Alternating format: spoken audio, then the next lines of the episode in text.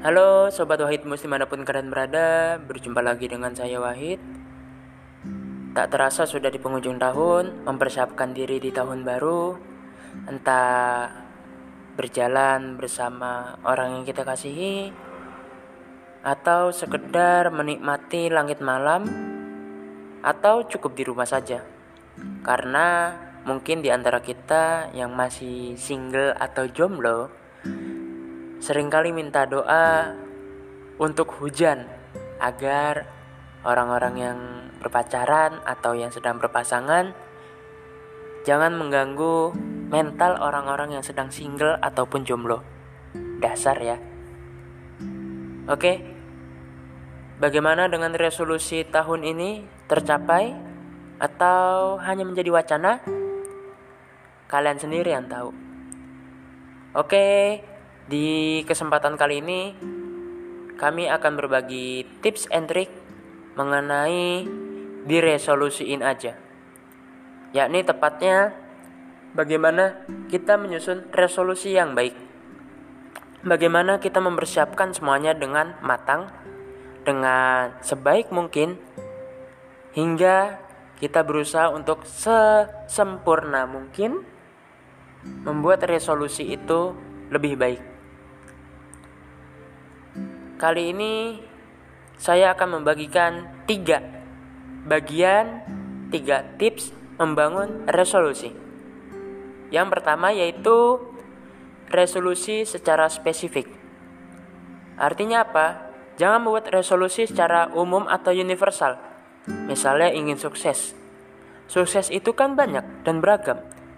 Seperti mencapai kelulusan, bisa bekerja, bisa membantu orang tua, bisa menolong orang sekitar, itu sudah termasuk kategori sukses. Nah, untuk resolusi yang akan datang, kita harus buat dengan spesifik. Misalkan, ingin mendapat TOEFL di atas 450 sampai 500. Luar biasa bukan? Atau ingin mengembangkan diri dalam public speaking Wah, keren pasti itu. Harus spesifik. Nantinya apa yang kita rencanakan tidak hanya wacana, tapi kita realisasikan. Tips yang kedua, resolusi itu harus disertakan perencanaan. Nah, banyak sekali yang buat resolusi yang berbuah wacana saja tanpa adanya perencanaan baik itu merencanakan secara pribadi, secara waktu, keadaan maupun finansial pun kita harus direncanakan agar resolusi ini bisa terwujud. Misalkan yang tadinya ingin TOEFL-nya di atas 450 sampai 500, kita harus mempersiapkan diri kita, apakah kita siap? Mempersiapkan keadaan, apakah orang lain akan mengganggu kita? Bahasa kasar seperti itu atau mungkin kita harus butuh waktu untuk menyesuaikan itu semua atau mungkin kita menyiapkan budget bila mana kalian ingin kursus di tempat tertentu memperdalami bahasa Inggris. Artinya perencanaan ini harus diukur dengan matang sebaik mungkin semaksimal mungkin dan sempurna. Oke yang ketiga resolusi terlalu tinggi atau terlalu besar. Bukan berarti menjatuhkan resolusi kalian, bukan. Artinya kita harus memulainya dengan cara bertahap. Misalkan ingin menjadi jago bahasa Inggris, tidak berarti harus semuanya dikuasai secara langsung dalam waktu satu tahun. Temponya begitu. Tidak, kita harus bertahap. Entah dari TOEFL kah, atau dari learning kah, lain sebagainya. Ingin public speaking yang hebat, tidak harus semuanya itu tercapai. Perlahan kita bisa mulai dari berkomunikasi dengan baik dengan teman kita sendiri, berkomunikasi dengan siapa pun. Kita bisa melatih diri kita untuk menjadi MC kah di acara kecil atau menjadi moderator dalam forum-forum kecil di kuliah, di kantor dan lain sebagainya Jangan terlalu besar, mulai dari hal yang kecil. Bagaimana tidak?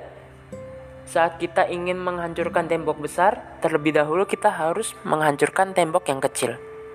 Artinya, kita bisa melatih terlebih dahulu. Pisau tidak semena-mena harus diasah dengan cepat ataupun kasar. Pisau pun harus diasah secara perlahan agar nantinya pisau tersebut bisa membelah apa yang kita mau. Begitupun juga diri kita. Diri kita pun harus diasah.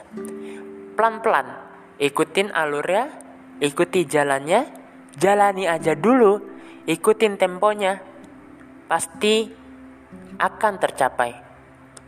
Walaupun banyak rintangan, tapi rintangan itu harus dihadapi. Ada kalanya mungkin menjadi hal yang pilu atau tidak tercapai. Harus dihadapi karena itu kenyataannya resolusi. Oke, tiga tips tadi. Yang pertama, resolusi itu harus spesifik. Yang kedua, perencanaan dalam membuat resolusi. Dan yang ketiga, resolusi jangan terlalu besar, alias dimulai dari yang kecil. Semoga untuk kalian yang mendengarkan, kami sangat bersyukur bisa memberi manfaat kepada kalian semua tetap menjadi pendengar yang setia, menjadi pendengar yang baik. Terus dukung kami dengan cara ikuti akun kami Wahid Mus Podcast. Jangan lupa follow, jangan lupa dengarkan satu persatu dan nikmati semuanya kapan pun dan di mana pun. Oke, cukup. Semoga bermanfaat di lain waktu dan kita akan bertemu di waktu yang akan datang. Selamat mengakhiri tahun dan bersiaplah dengan resolusi yang baru. See you next time.